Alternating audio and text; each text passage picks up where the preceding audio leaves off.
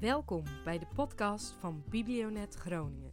In deze serie ga je luisteren naar de verhalen van de drie winnaars van de schrijfwedstrijd Over de Grens. Deze wedstrijd werd uitgezet tijdens Nederland leest in 2021. Ik wens je heel veel luisterplezier.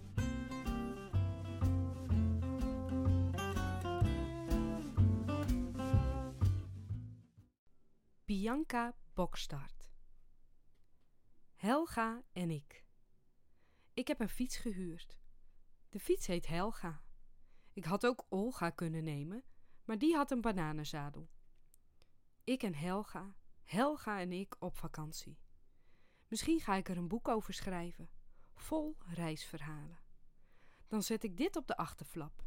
Helga en ik bezoeken bezienswaardigheden, beleven onderweg spannende avonturen hebben interessante ontmoetingen met deze of gene en ook nog iets met hachelijke situaties van waaruit wij ons op hilarische wijze weten te redden. En getrotseerde ontberingen. We hebben heuvels van 14 procent, zegt de mevrouw van de fietsenverhuur. Ik bedankte haar voor de leuke wetenswaardigheid. Eenmaal op weg bleek het een waarschuwing. Helga en ik, we hebben veel gelopen. Ik heb nog nooit zo strak in mijn vel gezeten als tijdens mijn vakantie met Helga. Wij razen de heuvels af, peddelen door valleien en klimmen omhoog naar het volgende dal. Ieder volgend dorpje rijden we zingend in. Ik een beetje hongerig, Helga hooguit wat stoffig. Kijk, dat is alvast een gezellig restaurantje. En wat een prachtige kathedraal.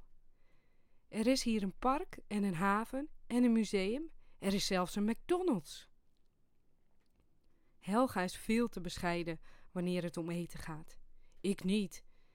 Ik denk veel aan wat ik straks ga eten, waar en wanneer. Voor de zekerheid heb ik altijd eten bij me, voor als ik nergens iets kan eten. Maar hier in dit stadje is er keus genoeg. Instinctief begreep ik al dat je s'avonds niet alleen in een restaurant gaat zitten. Dat kan smiddags wel, maar zorg dat je iets te doen hebt. Wees duidelijk een toerist, dan vindt niemand je bedreigend. Neem tijdens het eten een boek mee of schrijf ondertussen een ansichtkaart naar je moeder over hoe leuk je het hebt. Maar het eten is een beetje vervelend, mam, zo alleen in een restaurant. Dus daarom eet ik smiddags warm en later op de dag koop ik allemaal lekkers in de supermarkt en sluit ik me op in mijn kamer. Nee, dat is wel de waarheid, maar zo moet het niet. Ik ben s'avonds zo moe van het fietsen, mam. Ik koop een broodje en ga lekker op mijn kamer zitten. Dat is geen liegen, hooguit het accent verleggen. Voor vanavond heb ik chips en cake. Misschien is er iets leuks op tv. Helemaal alleen op reis naar een ander land. Dat zou ik nooit durven. Dus daarom ging ik. Met de trein en het vliegtuig en de bus. Niet wetend wat me te wachten stond en dan als een beter mens terugkomen, net als in de film.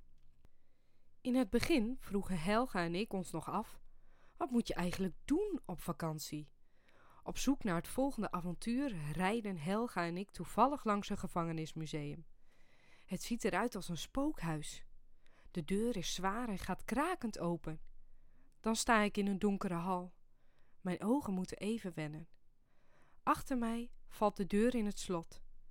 Ik hoor slepende voetstappen dichterbij komen. Op de tas loop ik naar achteren, waar ik de deur weet. Met alle kracht zwaai ik hem open. In het licht dat nu binnenvalt, zie ik een kromgetrokken vrouwtje. Ze groet vriendelijk en zegt dat het museum nog niet geopend is, maar alsjeblieft blijf nog even, dan doe ik het licht aan en nee, echt geen probleem, kom gerust binnen. William, William, we hebben een bezoeker.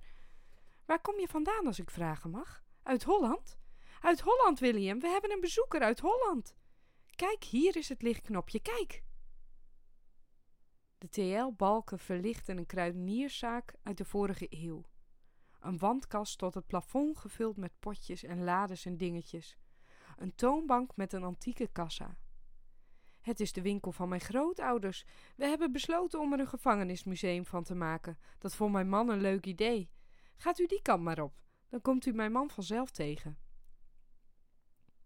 Door een gangetje kom ik in een kamer waar een oude man op zijn knieën zit te rommelen aan een videorecorder die onder de televisie staat. Helemaal uit Holland, zegt hij zonder op te kijken. Loopt u maar door, ik krijg hem zo aan de praat. Door een gangetje naar de volgende kamer. Ik herinner me niet wat er te zien is, omdat ik door elk venster Helga buiten zie staan. In de zon. En zo gaat het nog een paar kamers door. Het museum loopt dood.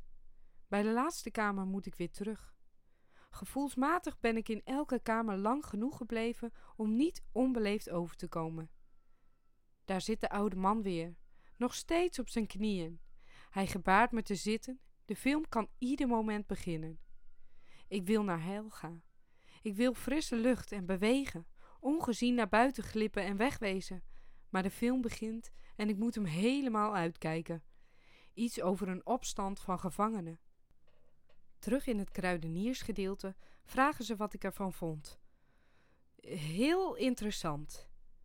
De deur staat open. Ik wil nu naar Helga. Op de toonbank ligt een papier met vingerafdrukken. Het ziet eruit als een officieel document. Je kunt een vingerafdrukkaart laten maken voor 2 euro, lees ik. Het geld wordt gebruikt om het museum te onderhouden. Om mijn desinteresse en leugens wit te wassen, vraag ik of ik ook zo'n kaart mag maken. Het gezicht van de vrouw betrekt. Oh, lieverd, ik ben bang dat de inkt op is, maar ik wil wel even voor je kijken. En terwijl ik sta te knipmessen dat het helemaal niet erg is en alstublieft, laat maar zitten, sleept zij al een ladder naar de wandkast.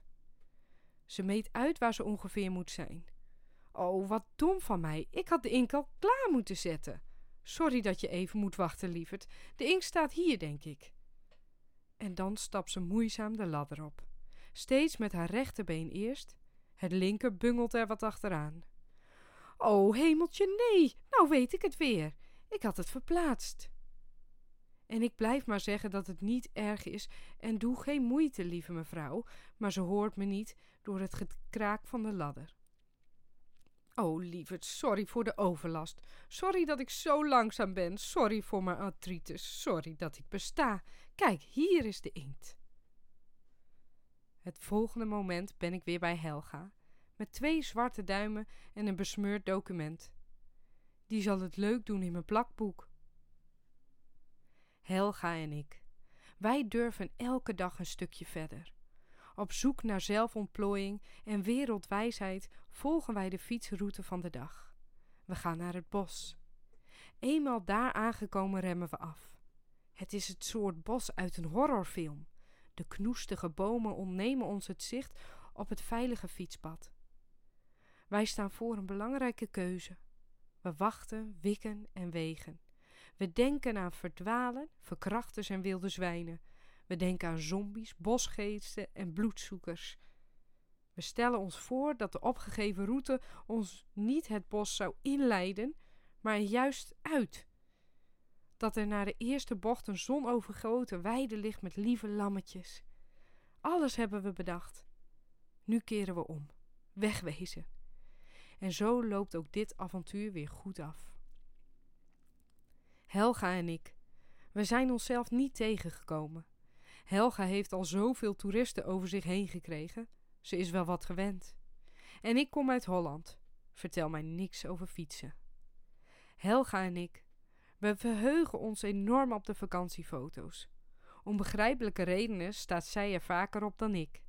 In mijn mooiste handschrift zal ik in mijn plakboek schrijven: Helga in de haven, Helga tegen een heggetje, Helga op de heuvel, Helga bij het haardvuur.